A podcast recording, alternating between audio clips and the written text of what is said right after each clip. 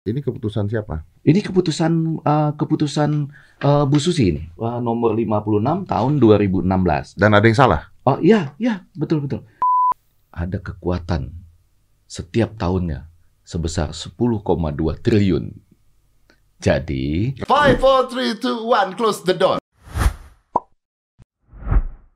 Ini ini nggak pernah dikasih lihat di mana-mana dan ternyata ini ada di tangan saya dari Pak Effendi Ghazali.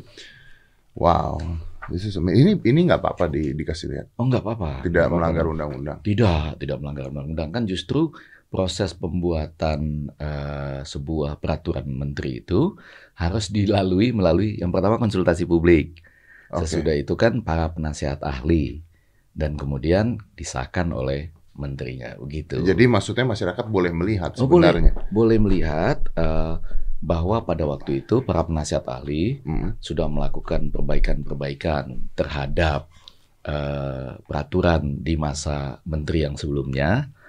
Itu kan terlihat betul tuh banyak coret-coretan, garis-garis dan lain-lain. tapi di sini tadi Hmm. Bang eh, Effendi mengatakan bahwa ternyata Ternyata draftnya draftnya berbeda dengan peraturan menteri dengan yang peraturan menteri yang keluar. Dan jadi pelan-pelan, eh, ketika kami sudah melakukan konsultasi publik dua kali sampai jam 9 malam segala macam itu, kemudian digarap oleh penasihat ahli. Ada 14 orang, beberapa aja saya sebutkan, misalnya nama-nama besar seperti Prof. Hikmahanto, Juwana, Prof. Hasim Jalal, Prof. Martani Usani, Usaini, Prof. Rohmin, Prof. Bakti Ali, dan lain-lain lah. Guru besar dari berbagai kampus itu. Lalu dilakukan perbaikan-perbaikan Hmm. kemudian diberikan kepada Pak Menterinya, lalu keluarlah permen ini nomor 12 tahun Keluar 2020. permennya. Ya, ini yang ada di tangan kanan saya. ya. Oh, kalau yang permen di tangan kanan ini bisa diambil di mana saja. Ya, oke. Nah, tetapi kemudian pada waktu bulan puasa di rumah Bapak Menteri itu, kami buka puasa bersama, Pak Menterinya bilang, waktu saya, saya yang angkat suara, Pak, kok ini ada perbedaan dari draft yang kami buat sebagai hasil konsolidasi dari penasihat ahli berdasarkan konsultasi publik. Pak Menterinya mengakui, oh iya, saya ada kecolongan ya gitu. Hmm. I- Itu yang menarik. Dan kecolongannya ini mau saya hubungkan dengan ada kekuatan setiap tahunnya sebesar 10,2 triliun. Jadi, Kekuatan setiap tahunnya. ya setiap tahunnya 10,2 Sebentar. triliun. Ya pelan-pelan, Eh, pelan-pelan. Sebentar, Bro. 10,2 triliun ini. Jadi artinya ketika draft ini dibuat, Ya. Draft ini akan menghalangi hal tersebut terjadi Pasti, sebenarnya. pasti. Jadi tindak korupsi dan sebagainya harusnya tidak bisa atau sempit kemungkinannya ketika mengikuti draft tersebut. Bahkan sudah diantisipasi betul bahwa itu hampir tidak ada peluang untuk melakukan korupsi. Oke, dan Anda adalah salah satu orang yang membuat draft ini. Oh ya, saya termasuk di dalam penasihat ahli. Nasihat ahli. Iya, Oke. iya. Ternyata draftnya keluar.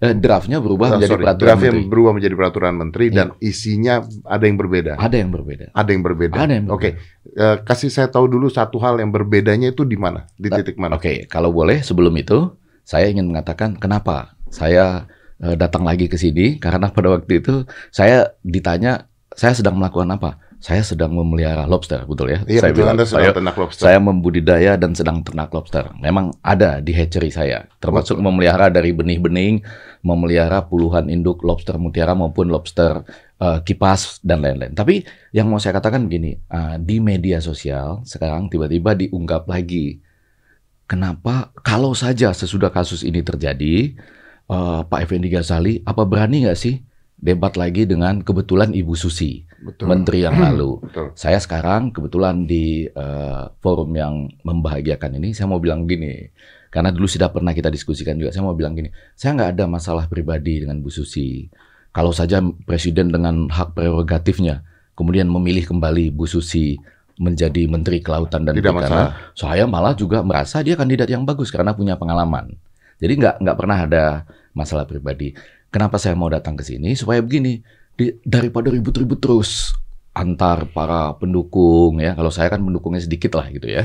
Hmm. Tapi yang mau saya katakan, mendingan satu kali saja. Kalau nggak mau pakai istilah debat, kita pakai istilah diskusi. Satu kali aja. Diskusi di sini deh, di Deddy Corbuzier. Dengan Jadi- Ibu Susi. jadi Ibu Susi datang dengan timnya. Nanti saya datang cukup dengan dua PhD di bidang lobster yang selama satu tahun ini sama-sama bekerja dengan saya. Kak di uh, jadi ada Bayu Priambodo PSD dan Ilham uh, Alimin PSD. Kami Oke, oke. Okay, Ini ini kalau terjadi perdebatan ini sangat menarik. Tapi saya jadi saya jadi diskusi makin, ya, disebut iya, diskusi, ya, diskusi. lah. Tapi ya. saya jadi jadi makin nah, masuk ke sini ruwet ya. nih pemikiran ya, saya ya, nih. karena ya. karena sebenarnya kasus yang terbaru adalah Pak Edi Prabowo menjadi tersangka Uh, korupsi. Ya. Oke, okay. uh, beliau pernah ada di sini dan saya sempat oh, ngobrol iya, iya, dengan iya. beliau ya dan, ada, ya, dan baik orangnya baik. Iya, iya. Uh, nah, tapi uh, saat ini beliau sedang menjadi tersangka di ya, ya. Uh, itu ya. Nah, uh, tapi yang jadi masalah buat saya adalah kalau Pak Effendi hmm belum apa-apa sudah mengatakan ini ada perbedaan, ini ada perbedaan, ini okay. ada perbedaan dan yeah. mengatakan bahwa 10,2 triliun yeah, yeah. setiap tahunnya yeah, yeah. itu secara tidak sadar mengatakan bahwa dari zaman Bu Susi ini terjadi dong. Nah, boleh kita masuk ke sana ya. Makanya saya bawa saya bawa penuduhan tidak enggak, Anda melakukan enggak, enggak, enggak penuduhan. Berdasarkan hasil riset dan tidak pernah mengarah ke nama orang tertentu. Tapi yang mau disebutkan adalah begini.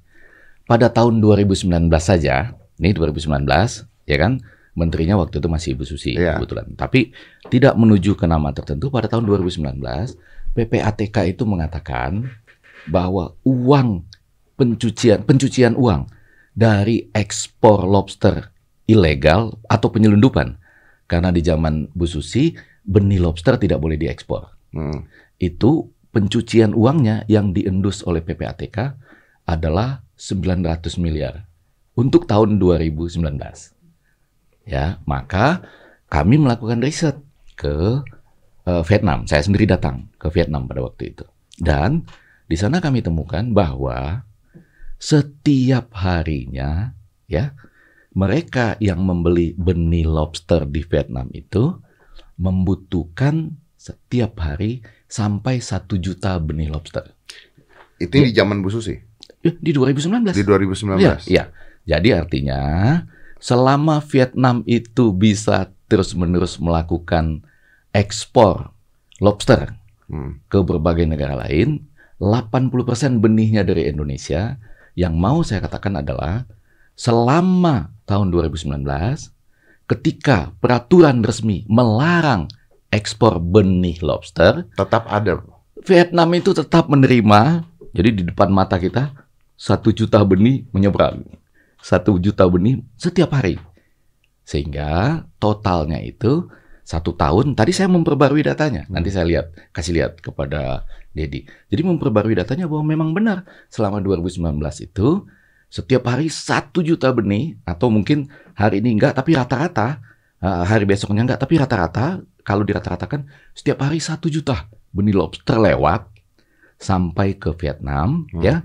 Dengan catatan kalau Vietnam mereka mengelak. Ini, ini menurut siapa, Pak? Oh, Effendi mengatakan ini menurut siapa? Oh, kami datang sendiri. Ada rekamannya.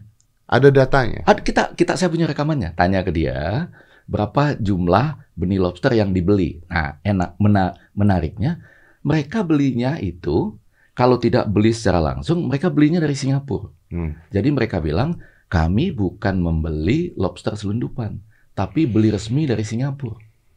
Jadi yang dari Indonesia ini diselundupkan hmm. totalnya per tahun itu 360 juta benih diselundupkan sebagian besar melalui Singapura. Oke, ya, artinya Anda mengatakan bahwa ini ada sindikatnya sejak dulu. Uh, dan saya mau mengatakan begini, begitu kuatnya sindikat ini sampai seakan-akan tidak ada yang bisa mengalahkan mereka sehingga angka 10,2 triliun yang lahir dari 360 juta hmm. yaitu 10 persennya lobster mutiara, 90 persennya lobster pasir dikalikan dengan harga-harganya harga-harganya pada waktu itu menjadi 10,08 triliun. Oke, kalau saya silakan. Ya, minum dulu ini ya. saking saking sak, ya. Tapi kalau saya jadi Ibu Susi mendengarkan hal ini, hmm. uh, maka saya akan mengatakan begini. Ini Anda ngapain sih yang baru ketangkap juga uh, menteri yang sekarang lagi menjabat, Anda juga staf ahlinya, ya, ya kan? Kenapa ya. nama saya dibawa-bawa? Oh enggak, saya kan nggak pernah menuju ke nama tertentu. Saya cuma mengatakan begini. Yang pertama, bukannya jelas Anda di Twitter dan sebagainya juga omong-omongannya dengan Ibu Susi. Tadi Anda mengatakan Anda mengajak Ibu Susi untuk diskusi di sini. Oh, Berarti ya. kan jelas Ibu Susi dong. Enggak, enggak dong. Jadi saya pada waktu itu tiba-tiba dari berbagai kelompok gitu mengatakan bagaimana ya kalau Effendi Ghazali sekarang diajak debat setelah menteri ini eh, terkena OTT gitu ya. Hmm. Saya bilang saya tetap siap debat karena saya punya datanya dan saya punya hal-hal yang sudah dilakukan oleh penasihat ahli untuk membuat supaya korupsi itu tidak terjadi. Tapi balik ke soal itu, saya harus mengatakan ini peristiwanya biarlah ditangani KPK. Saya tidak dalam posisi Persoalannya membela mana? Persoalannya mana? persoalan OTT dong. OTT. Ya, biarlah diperiksa KPK. Saya tidak dalam posisi membela siapa pun. Bahkan menurut saya ini pasti peristiwa yang menyedihkan, memalukan bagi semua. Dan kemudian Pak Menterinya sudah dengan gentleman mengatakan dia bertanggung jawab sepenuhnya. Hmm. Bahkan saya mengatakan di eh, TV One kemarin, harusnya penasihat ahli juga merasa gagal. Hmm. Dan harusnya mundur juga kali ya. Minta maaf kepada publik. Dan jangan pernah jadi penasihat ahli di mana-mana pun lagi. Karena Karena sudah gagal. Karena sudah gagal. Ya, walaupun... Itu termasuk Anda dong. Oh iya sudah, saya sudah bilang begitu. Maksudnya ini walaupun kami tidak punya akses ke komite lobster yang adalah staf khusus menteri. Kami nggak punya aks- akses ke sana.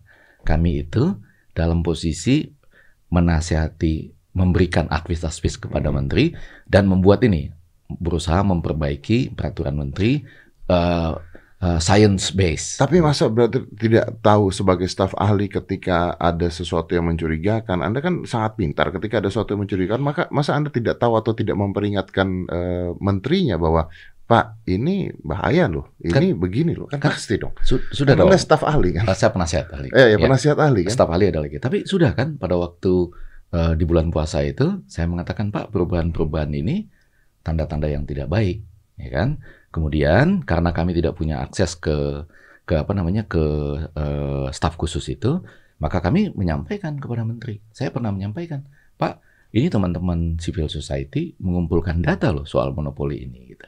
Hmm. Dan saya di luar karena saya basisnya dulu adalah civil society juga, saya berdiskusi dengan Riza Damanik, yang pemerhati nelayan, kemudian dengan Khalid Muhammad yang pernah sama-sama di KP2, kemudian keluar dengan juga dengan teman-teman di ICW ya, Donald Faris, Tama, kemudian juga dengan apa? teman-teman di Bea Cukai. Anda ngobrol dengan teman-teman di ICW, Iya, ngobrol. Tapi bukan melaporkan ya? Bukan. Jadi kami oh enggak, kami tidak dalam posisi melaporkan. Nanti biar KPK mengecek siapa yang melaporkan. Saya mau mengatakan begini, untuk memotong monopoli ini, maka harusnya teman-teman civil society bisa membuat surat permohonan informasi publik. Kenapa? Apa dasar hukumnya sampai orang kalau mau jadi eksportir lobster harus daftar jadi anggota asosiasi? Itu Anda nggak setuju? Nggak ada dasar hukumnya. Tidak ada dasar Di hukum. peraturan menteri ini nggak ada. Jadi orang kalau mau jadi eksportir lobster harus masuk anggota asosiasi. Sesudah itu hanya boleh melewati satu kargo di Jakarta dan kemudian supaya kelihatan dua dibuka lagi satu lagi di Surabaya. Ditambah lagi dengan harus bayar 1.800 rupiah per ekor. Hmm. Padahal kan biasanya ngirim barang-barang apa pun pakai kargo di kilo kan. Hmm, hmm. Ini dihitungnya per ekor. Nah, lalu bedanya Kan bisa aja itu untuk negara. Nah, ini yang menarik. Bedanya ada eh, bedanya kalau kargonya itu adalah kargo yang eh, apa namanya bebas, orang lain eksportir boleh tidak jadi anggota asosiasi dan tidak mengirim lewat kargo yang ditentukan, itu dia hanya cukup mengeluarkan biaya 200 rupiah. Jadi bedanya jauh sekali. 1.800 dengan 200. Bedanya 1.600.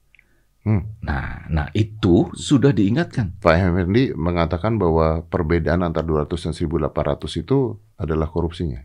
Oh, bisa. Eh, eh, biar nanti KPK yang menentukan. Tapi yang Tapi kami memungkinkan. Ya mungkin kan. Yang kami mengatakan adalah 1.800 kurang 200 Itu sama dengan 1.600 1.600 itu Dikali kali 37 juta yang sudah terkirim ke luar itu negeri. sekitar 90 miliar lebih. 60 sampai 60 70-an lah ya. 70 miliar. Nah, itu kalau nggak termasuk korupsi, nggak ada dasar hukumnya. Kenapa Anda melakukan pungutan itu, memaksa orang masuk asosiasi, memaksa orang hanya pakai satu kargo, Hmm. dan membayar 1.800 gitu ya, di peraturan menteri yang kami buat, Tidak ada. Tidak ada. Bahkan agak ini agak kacau juga. Ada kes- ada, oke. ada kesalahan negara. Negara melakukan PPN di atas itu. Jadi ini menarik nih.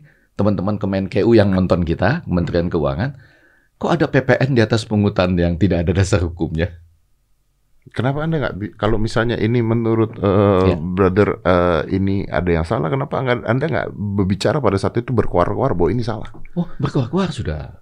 Kan saya di samping menyampaikan kepada Pak Menterinya, ada WA grup kami, dan saya catat di samping saya bicara dengan teman-teman civil society, pada 22 Oktober ada pertemuan uh, resmi Inspektorat Jenderal, Hmm. Inspektorat Jenderal loh yang mengawasi semua ini di uh, Sentul. Uh, pem- pembicara pembukanya adalah Bapak Inspektur Jenderal dari Kementerian, yaitu Bapak Muhammad Yusuf, dulu mantan Ketua PPATK, sekarang jadi uh, pengawas ya, Inspektorat Jenderal, Inspektur Jenderal di KKP. Saya pembicara, kemudian ada Prof. Baktiar Ali Prof. Wamin, saya bilang, ini 1800 ini sudah menjadi catatan teman-teman civil society. Ini sudah harus diperingatkan dan di Anda bilang di sana, tapi kan tidak nyampe ke masyarakat, bro. Hah? Nyampe ke masyarakat tidak? Oh, saya kan menyuarakannya tidak bisa langsung sampai ke masyarakat. Kenapa? Saya, ya kan saya penasihat ahli. Saya menasihati dan menyampaikannya ke menteri. Ke masyarakat itu saya dalam konteks internal saya sampaikan ke teman-teman civil society kan. Jalannya saya bilang kepada mereka bukan dalam rangka pelaporan, tapi masuklah dalam rangka permintaan informasi publik. Dengan Nanti begitu- bisa saja ya, bisa saja penangkapan terjadi kemarin itu gara-gara Bro Effendi juga. Enggak, enggak karena sama sekali tidak ada pelaporan. Jadi saya tanya ke teman-teman ICW, Tidak ada. Tidak ada pelaporan, tidak ada pelaporan sama sekali dari teman-teman ICW. Karena yang kami inginkan adalah eh, fakta ini dibuka ke masyarakat, ya kan? Kenapa terjadi monopoli? Apa dasar hukumnya gitu?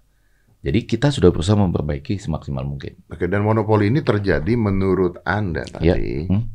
Dari dulu-dulu kan. Nah, jadi begini, saya mau mengatakan ada kekuatan besar dengan 10,08 triliun ini di masa yang lalu. Yang anehnya ada dua keanehan di situ. Ya, mudah-mudahan eh, semua yang nonton pelan-pelan mulai memikirkan. Berapa kali sih para pejabat di negara kita, ya, kalau dilihat dari eh, isu-isu di media, berapa kali sih para pejabat di negara kita melakukan konferensi pers atau berteriak soal penyelundupan benih lobster misalnya, yang angkanya sampai 10,08 triliun itu selama 2019. Menarik ini. Saya belum pernah dengar sih. Iya, coba itu menarik ya. Yang kedua, saya tuh pengagum Bu Susi ketika misalnya menenggelamkan kapal-kapal Hmm, asing itu hmm. yang melanggar kedaulatan Indonesia, merugikan nelayan kita. Tapi saya tuh merindukan juga pada waktu itu ada satu kali aja. Jadi kapal yang menyelundupkan lobster itu gitu ya, dengan koordinasi pada intelijen dan aparat-aparat hukum kita, bisa juga disergap di laut misalnya. Nah itu saya belum belum pernah dengar juga itu. Jadi ada kerinduan saya tuh. Kan penenggelaman penenggelaman kapal kan bagus itu Hmm. berkali-kali. Ya, ber- berarti kan secara eh, secara tidak langsung Anda mengatakan bahwa Ibu Susi pun ada di permainan ini dong. Oh enggak, tidak. enggak, tidak, tidak, tidak pernah boleh ke situ. tidak pernah boleh ke situ. Lalu Jadi, untuk apa Anda debat kalau begitu? Oh enggak, saya tuh debat. Nah, nih ini menarik. Debat itu misalnya ya, misalnya Oke. eh, apa namanya diskusi lah supaya enak ya diskusi.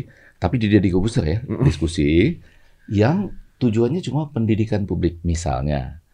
Sa- saya merasa eh, mungkin bukan Bu Susi, ada orang yang memberi data keliru kepada Kementerian Kelautan dan Perikanan di masa lalu dengan tujuan supaya ada teori-teori tentang lobster yang diputarbalikkan. Saya bukan Teori tentang Ah, ini. lobster yang diputar balik. saya bukan ahli lobster, saya ahli mengkomunikasikannya. Nanti kalau mau diskusi, saya datang dengan ahli lobster atau sesekali Deddy Kobuser mengundang ahli lobster ya untuk bicara tentang ini. boleh itu. Dan mereka siap. Nah, yang mau saya katakan misalnya gini, teori-teori itu diputarbalikan sehingga kemudian penyelundupan ini menjadi bisa jalan Hmm. karena tidak boleh melakukan ekspor secara legal. Teori pertama misalnya, Oke. lobster itu terancam punah. Kata siapa? Kata banyak orang. Termasuk Ibu Susi? Saya nggak tahu. Coba nanti kita cari sama-sama. Ya, terancam punah. Hmm. Saya mau mengatakan, menurut data dari Badan PBB yang ngurus itu, UCN, CITES, anggotanya 16.000 orang ya dari seluruh dunia, itu tidak termasuk yang terancam punah. Jadi kita harus percaya Badan PBB dong. Jadi, Ya, nggak pelan-pelan. Itu tidak terancam punah. oke. itu resmi menurut IUCN Menurut dan CITES. hmm. Ya kan? Jadi ini badan yang berdiri tahun 48. mungkin yang di Indonesia terancam habis. Nah, nah, itu yang menarik. Yang kedua, yang kedua ada empat nih, cepat cepat cepat. Yang kedua, menurut Badan Riset Kementerian Kelautan dan Perikanan yang pada waktu itu masih Bu Susi sebagai menterinya, ya. Jadi mereka mengeluarkan sebuah telaah tahun 2019 ini pada halaman 28 bab 5 disebutkan bahwa jumlah benih lobster yang ada di Indonesia itu potensi jumlah benih lobster yang ada di Indonesia itu berapa coba?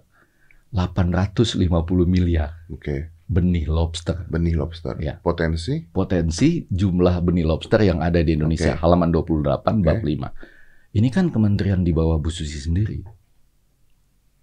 Jadi artinya Bu Susi mengetahui bahwa menurut badan risetnya dia potensi benih lobster yang ada di Indonesia itu per tahun adalah 850 miliar. yang artinya yang artinya tidak akan punah dalam waktu eh, eh, tertentu menurut Badan PBB ya. Jumlahnya adalah 850 miliar di perairan-perairan kita menurut Badan Riset KKP dan yang ketiga di dunia lobster itu terus diperdagangkan ribuan ton. Jadi kan nggak mungkin benda yang punah yang terancam punah boleh diperdagangkan sampai ribuan ton Oke. setiap hari, Ini eh, setiap bicara tahun. seperti ayam ya. Nah, yang keempat itu contohnya ayam. Apakah ayam akan punah? Kalau semua ayam yang kita temui kita bantai bisa punah.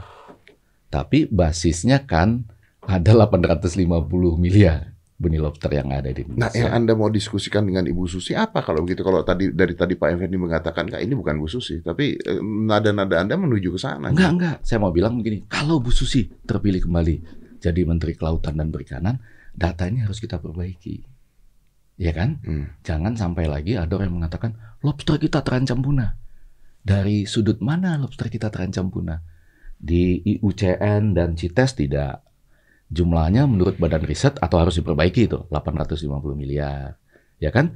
Perdagangannya di dunia diakui gitu. Dan yang paling penting ini sudah bisa dilakukan hatchery Ya, ya. yaitu di Di- Australia dan di Jepang. Artinya kalau gitu eh, Bro mengatakan bahwa ini ada ada ada dua teori yang beredar di masyarakat. Dengan mengatakan bahwa ini bisa punah, Ah, maka tidak boleh di di Ekspor. ekspor ya. Begitu tidak boleh diekspor, kekuatan 10,8 triliun ini bisa jalan. Oke, oke. Ini saya simpulkan ya, Bro Ya. ya. Jadi eh berarti mengatakan bahwa ini ada dua teori di Hmm. masyarakat. Ya. Teori pertama adalah bahwa ini bisa punah. Ya. Oke.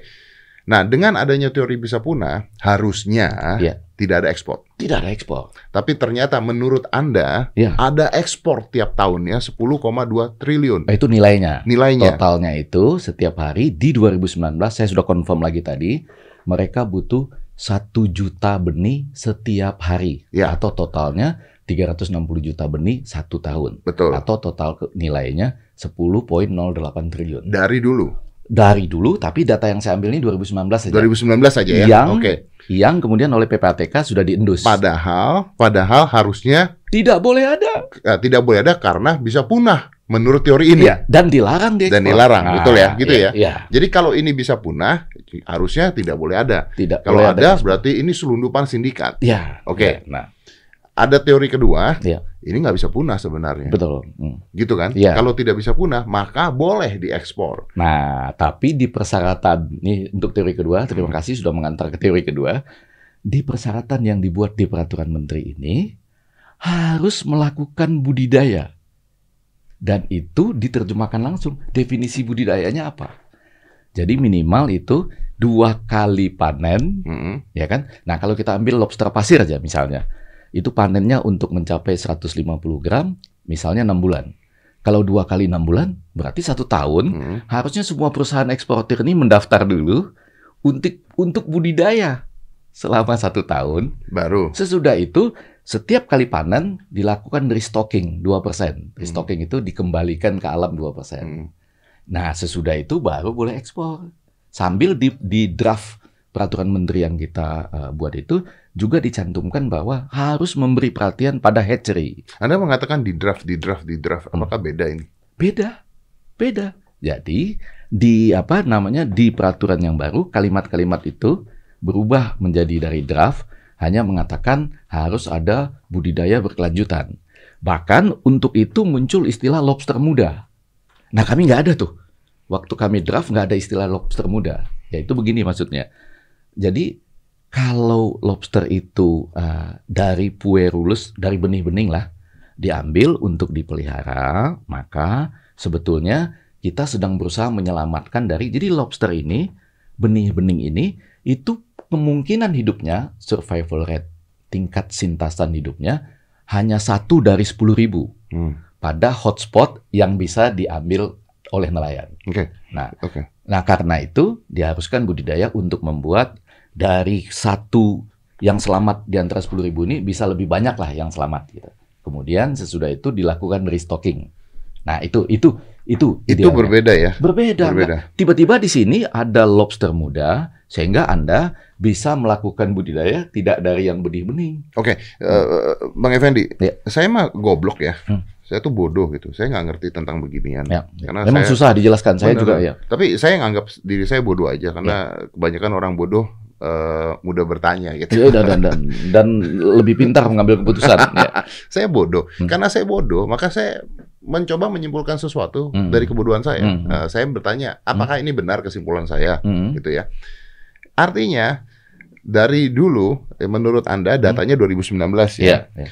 Uh, si lobster ini tidak boleh diekspor karena bisa punah, yeah. katanya. Yeah. Oke, okay. tapi tetap terjadi ekspor. Yeah yang 10,8 triliun yeah, itu. Yeah. Artinya ada yang mendapatkan keuntungan, yeah, begitu? Iya. Oke. Okay. Yeah, yeah, yeah, Sekarang boleh diekspor yeah. karena ada teori yang mengatakan bahwa oh enggak ini nggak apa-apa yeah. akan punah ini yeah. bagus yeah. maka sekarang bisa diekspor yeah. akan tetapi tetap ada orang yang mendapatkan keuntungan Betul. karena ada perubahan-perubahan dari draft, draft ke, ke yang yang menjadi peraturan menjadi menteri nomor 12 tahun 2020 ya berarti apa pun itu dari dulu sampai sekarang tidak berubah yang diuntungkan nah ini menarik ya saya rasa sebagian besar yang diuntungkan itu adalah mereka juga yang pernah bermain pada masa lalu. Mm -hmm. Ini sedang kita selidiki, beberapa media sedang menyelidiki. Ditambah dengan kelompok-kelompok tertentu yang tiba-tiba mengambil inisiatif bekerja sama dengan uh, sekelompok orang mm -hmm. yang kemudian membuat orang harus masuk asosiasi, harus mengirim hanya lewat kargo tertentu, gitu ya. Dan kebetulan ini menurut Bapak Inspektur Jenderal di KKP, ini bukan ASN, bukan pegawai negeri. Jadi orang-orang luar yang ada menjadi staf khusus begitu. Hmm. Nah, tetapi betul saya merasa kekuatan yang tadi 10,08 triliun menurut data kami, katakanlah dibikin turun pun menjadi 5 triliun misalnya gitu ya. Setelah yang baru nih ya? Ya, enggak, enggak bukan. Jadi misalnya ada orang yang mau mendebat misalnya ya, enggak hmm. mungkin 10,8 oh, triliun. Oke, okay, oke, oke. Anggaplah 5 triliun, itu kekuatan yang sangat besar yang kemudian berusaha tetap bisa bermain ada. di belakang sekalipun peraturannya mengatakan harus budidaya dulu baru ekspor misalnya. Kalau begitu artinya mau diekspor, nggak diekspor, nggak ada bedanya dong? Itu, itu persoalan. Selama kita tidak menegakkan peraturannya dengan benar. Dan kami semua terkejut waktu Bapak Menteri pada buka puasa bersama di di rumahnya dia di Widya Chandra mengatakan kecolongan. bahwa ini kecolongan. Kalau ada kata-kata kecolongan, harusnya direvisi segera. Nah itu pertanyaan saya. Ya. Kalau ada kata-kata kecolongan hmm. dan anda anda sudah tahu ya. dari uh, Pak Menterinya, ya. kenapa anda tidak mengatakan, oh kalau begitu kita revisi segera? Sudah, upaya-upaya itu terus-menerus dilakukan, tetapi lagi-lagi kami tidak punya akses kepada uh, staf khusus, ya kan? Karena kami hanya memberi advis kepada uh, Pak Menteri dan lebih daripada itu di situlah saya sepenuhnya merasa bahwa penasihat ahli gagal. Ini kecolongan atau hmm. maksud Anda ada yang nyolong, Pak? Kecolongan karena ada yang nyolong. ya kan? Tapi tapi intinya adalah di situ jujur loh. Kalau kita kan ilmuwan harus jujur, jangan jadi pengecut. Sebagai penasihat ahli harusnya gagal juga, merasa diri gagal karena kurang gigi. Di WA grup kami saya bilang kurang gigi, kurang berteriak kepada masyarakat, ya. Mm-hmm. Mungkin juga di dalam uh, itu ada semacam perasaan ewuh pakewu dan segala macam. Di situ penasihat ahli gagal dan harusnya nggak boleh jadi penasihat ahli di mana pun lagi. Karena di gagal. Negara, karena gagal. Harus jantan mengatakan gagal dan nggak boleh jadi penasihat ahli di mana pun. Anda tapi akhirnya juga bisnis lobster kan? Oh, saya tidak pernah punya bisnis lobster. Jadi saya Se, uh, jadi dulu saya itu uh, melakukan apa namanya ini uh, keramba karapu. Sesudah itu saya mencoba sidat karena hobi. Nah, bukannya waktu itu waktu di sini ngobrol Anda juga mau bukan bukan bisnis. Jadi saya sekarang ini sedang melakukan penelitian namanya hatchery. Oke. Jadi saya mengumpulkan uh, bibit-bibit lobster, uh, bukan bu- bu- induk-induk lobster, saya kawinkan sendiri Hmm. sehingga dia beranak di saya, bukan mengambil dari alam. Kemudian sesudah itu yang uh, benih-benihnya saya coba pelihara sendiri berdasarkan buku-buku yang saya pelajari, berdasarkan saya belajar dari Australia. Untuk diapain? Untuk itu nantinya kalau saya bisa dari hasil hatchery saya seperti sudah berhasil di Jepang dan di Australia, Oh, Oke. di masa depan bisa diekspor tanpa mengambil dari alam. Tidak usah mengganggu alam. Ini nggak usah Tidak mengganggu usah alam. mengganggu ini semua. Iya, iya. Tapi tetap ikutin yang 1800 itu. Enggak kan pada waktu itu sudah nggak ada lagi dong yang 1800. Harusnya sih orang semua bekerja berdasarkan peraturan menteri Harusnya. ini. Ya, Karena Anda peraturan- berpikirnya bersesuai sesuai dengan ini, iya, makanya sesuai Anda dengan- hatchery itu. Iya, saya hatchery dulu. Jadi Hatchery. Anda juga kecolongan dong, Pak. Oh, selama jalurnya jalur hatchery belum ada kecolongan karena belum ada.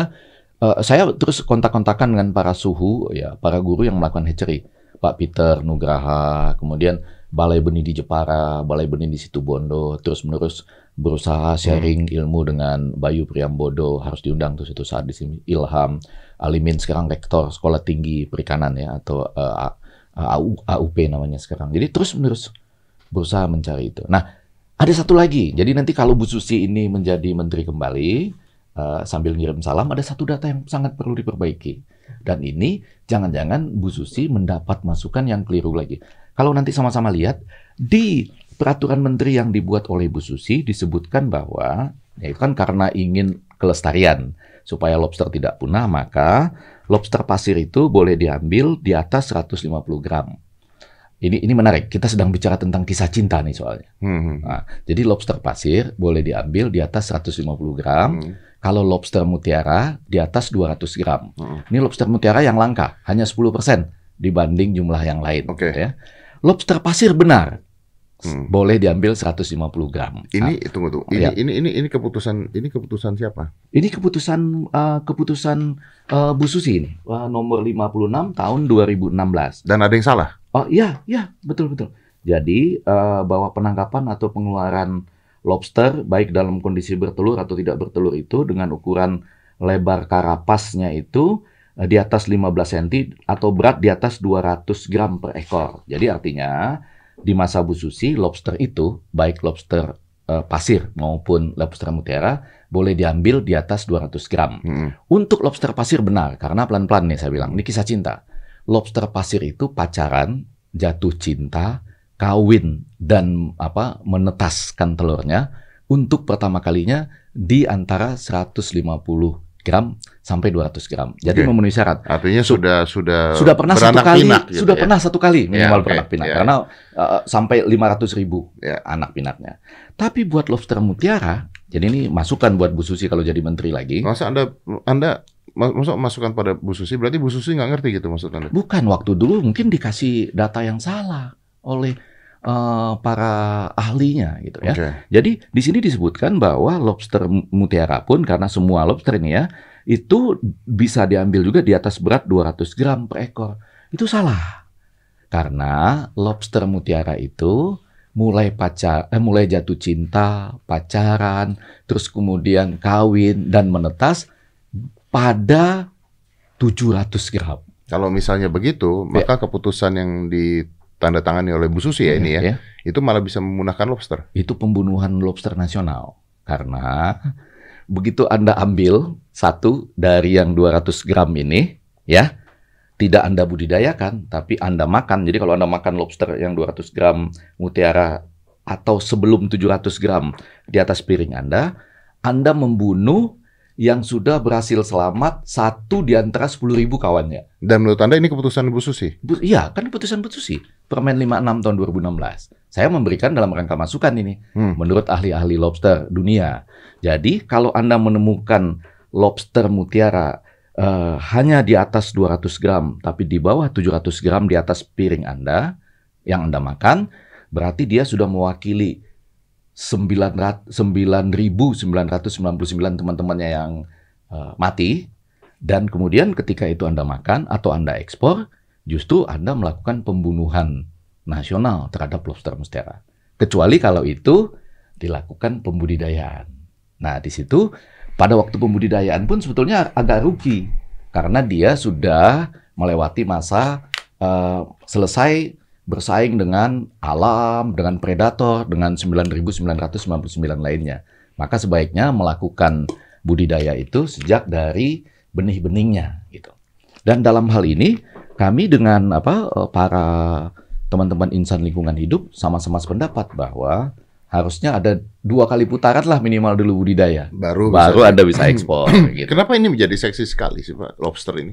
Kayaknya dulu kita nggak pernah dengar. Ini menarik, ini menarik betul. Nah, jadi harus saya... harus diakui makanya saya mau datang ke Deddy Kobuser itu karena ini biar bagaimanapun harus menjadi pendidikan publik dan pendidikan politik. Terpaksa kita masuk kata politiknya. Apa itu? Jadi pertanyaannya begini di tahun 2019 berapa kali sih ada konferensi pers tentang oh ayo sama-sama kita lakukan pemberantasan penyelundupan lobster. Ya makanya tidak pernah saya dari kecil kayaknya nggak pernah nggak gitu. Nggak pernah ya. Yang walaupun tadi saya katakan angka saya 10,08 triliun, katakanlah yang paling minimal 5, 5 triliun itu. pun, tapi mana konferensi persnya tentang itu? Dan khusus buat Bu Susi, dulu saya merindukan kalau ada itu loh dengan apa koordinasi intelijen dan aparat hukum dan satuan-satuan tugas di KKP itu ada yang menyelundupkan lobster itu lalu ada semacam penyerangan gitu loh kan. Hampir sama dengan pengeboman kapal-kapal itu. Dan untuk tidak ada. dan nggak ada. Untuk membuat kita tidak bertanya-tanya kenapa dulu nggak nggak ribut ya? Gitu ya. Nah tetapi sekarang begitu mau dibuka langsung ribut. Teorinya kembali muncul bisa punah. Ya kan? Lebih baik diambil di atas 200 gram, padahal itu pembunuhan lobster nasional. Kalau tidak dibudidaya, gitu ya. Hmm. Dan kemudian juga apa namanya, oh langsung muncul si langsung kita begitu rame, padahal dulu kita nggak pernah dengar. Nah, penjelasan yang agak masuk akal di situ adalah begini.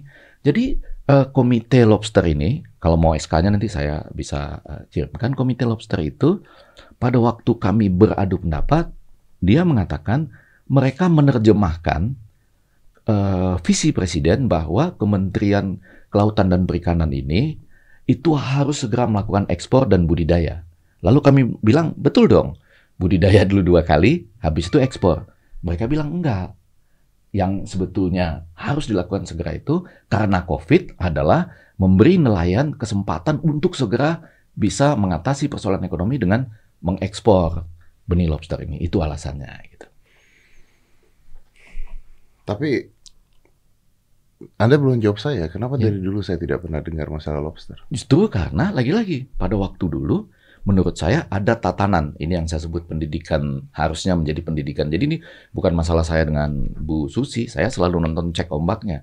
Cuma saya ajak diskusi tentang data ini gitu dan kenapa dulu tidak diributkan. Itu maksud saya. Tapi kan bahkan sebelum Bu Susi pun harusnya ini udah terjadi dong. Oh iya iya, tapi uh, kan di lima tahun itu muncul peraturan yang uh, ini kan ini peraturannya ada satu peraturan lagi sebelumnya, tapi yang 56 2016 ini secara terang-terangan melarang tidak boleh diekspor dan juga tidak boleh dibudidaya dari benih-benih loh. Hmm, oke oke oke. Jadi benih-benih pun nggak boleh dibudidaya. Oke. Okay. Dibudidaya hanya di atas sesuai dengan pasal 3 uh, eh, ayat A ini di atas atau berat di atas 200 gram per ekor. Kalau begitu, sekarang dengan uh, tersangkanya Pak Edi Prabowo, ya. uh, artinya kan jabatan uh, beliau hilang sebagai menteri. Ya, dia sudah mengundurkan diri dan Betul. memang dimundurkan ya. Ya. Tapi ini masih ada dong, Pak. Apanya? Oh, peraturan menterinya. Ini pertanyaan yang menarik. Terima kasih. Ini masih ada. Terima kasih, Deddy Kobuser ini. Artinya ini kita mengingatkan bahwa ini masih ada, harus segera direvisi. Tetapi bagusnya itu kemudian dari Kementerian Kelautan dan Perikanan sendiri sudah menutup tidak boleh melakukan jadi tidak boleh melakukan ekspor benih lobster. Setelah, ditutup dulu. Sudah ditutup dulu, sudah ditutup dulu, sudah ditutup dulu. Ya kecuali yang sudah terkumpul di tempat-tempat tertentu itu hanya boleh dikirim per hari ini kalau nggak salah terakhir. Sesudah itu, jadi, jadi sebelum ada penjelasan yang lebih jelas lagi, ditutup. Ditutup. Ya, dan nantinya harus dua kali budidaya gitu ya sebagai bukti budidaya berkelanjutan dan peraturan definisi budidaya itu sampai menetaskan loh. Jadi akan ada pembenaran setelah ini. Harus ada dong. Itu gunanya kita di Deddy Kobuser ini. Dan itu gunanya kalau kita bisa, nggak apa-apa loh. Seru kan Deddy Kobuser ada di tengah-tengah. Saya apa eh, peluk kiri kanan nyanyi-nyanyi sama Bu Susi. Tapi saya bawa teman-teman saya yang mengerti eh, PSD PSD Lobster anak buah Bu Susi juga. Sekolahnya beasiswa Bu Susi juga dulu pada waktu itu kan. Lalu kita bilang, Bu, data-data ini harus diperbaiki ke depannya kalau Ibu jadi Menteri Kelautan dan Perikanan lagi. Gitu yaitu data tentang 200 gram ini keliru. Kecuali ditulis 200 gram tidak boleh dikonsumsi dan diekspor. Dia hanya boleh dikonsumsi dan diekspor di, atas 700 gram, tapi untuk budidaya harus kita mulai dari benih-benih An- an- an- an- anda merasa nggak sih Pak Effendi Iya. bahwa masyarakat kita itu bingung loh. Bing, ya saya, saya, saya tahu. Saya tahu sekali bahwa ini dalam algoritma komunikasinya sangat sulit dijelaskan. Bingung loh, karena saya saya mengerti sedikit karena tadi kita ngobrol, sambil betul. menjelaskan pelan-pelan. Ya, ya. Tapi kan ada masyarakat-masyarakat yang Tidak. akhirnya tidak mengerti tentang ini, Betul, betul. tidak pernah tahu tentang ini, Iya. bahkan nggak pernah makan lobster, Betul. nggak pernah belajar tentang lobster, Iya. cuman tahu-taunya, oh ternyata duitnya gede ya, Iya. wah kesian kita nih rakyat-rakyat jelata Betul, gitu kan. betul, betul, betul. Jadi ini adalah algoritma komunikasi yang paling susah dijelaskan. Justru karena kekuatan dari yang saya sebut tadi, sekelompok orang melakukan semacam manipulasi teori-teori lobster, kemudian membuat ini tidak boleh diekspor, lalu bekerjalah orang yang sampai yang paling minim 5 triliun atau 10,08 triliun jumlah ekspor yang lalu lalang ketika dia dilarang sama sekali gitu. Wow, oke. Tapi bersedia ya, artinya saya Oh, cuma saya mengatakan kepada teman-teman di luar sana, saya tidak selama ini kan orang tahu lah, pu- puluhan tahun saya tampil di media tidak dalam posisi menyerang orang lain. Tapi ketika saya diserang betul di media sosial, saya cuma bilang saya siap dong untuk berdebat atau diubah kata-katanya menjadi diskusi, ya kan? Dan kalau itu boleh, karena saya semua datanya nanti saya tinggalkan di sini, ya hanya saya berikan di Deddy Kobuser ini.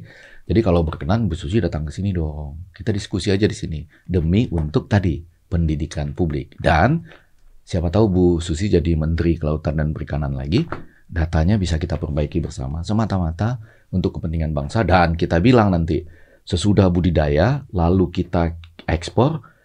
Nah, yang menarik adalah gini, ketika kita minta orang budidaya nih, sama-sama budidaya, Vietnam masih dapat benih lobster nggak gitu?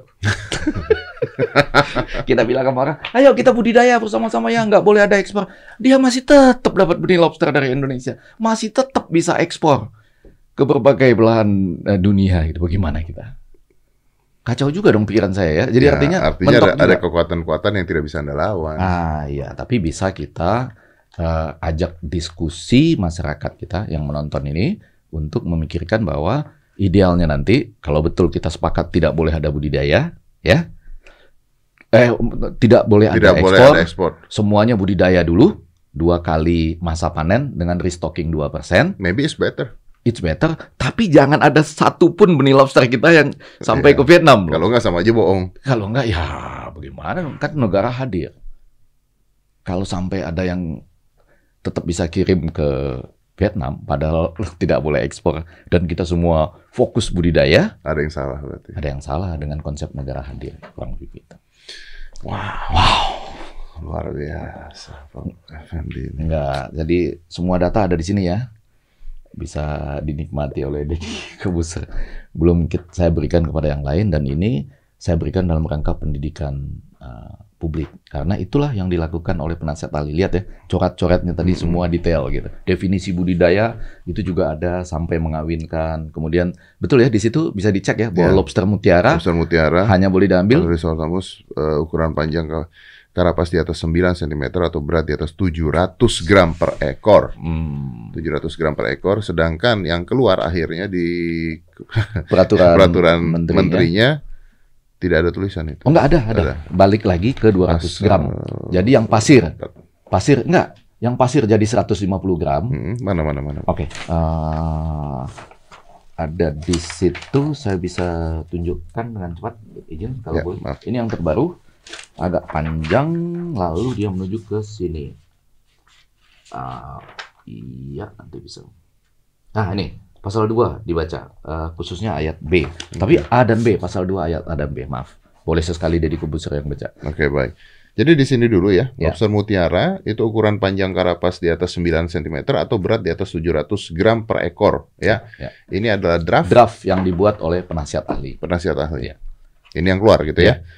2A, Dua ini ini ya. eh 2A itu untuk lobster pasir. Hmm. Yang mutiaranya Nah, di bawahnya, Ini. di luar itu di luar. ya. Oke, kita baca di sini ya. Ya. Tidak dalam kondisi bertelur yang terlihat pada abdomen luar dan Ya. ukuran panjang karapas di atas 6 cm. Hmm. Terus 6 cm berat di atas 150 gram per ekor untuk lobster pasir. nah, Oke, bener ya ini ya. ya eh, turun malah 150 gram. Tadinya Tadinya 200 di peraturan Bu Susi, tapi itu benar. Tapi itu Dia- benar. Karena dia pertama kali pacaran, kawin, jatuh Ya. cinta, menetas di 150 gram. 150 gram. Oke.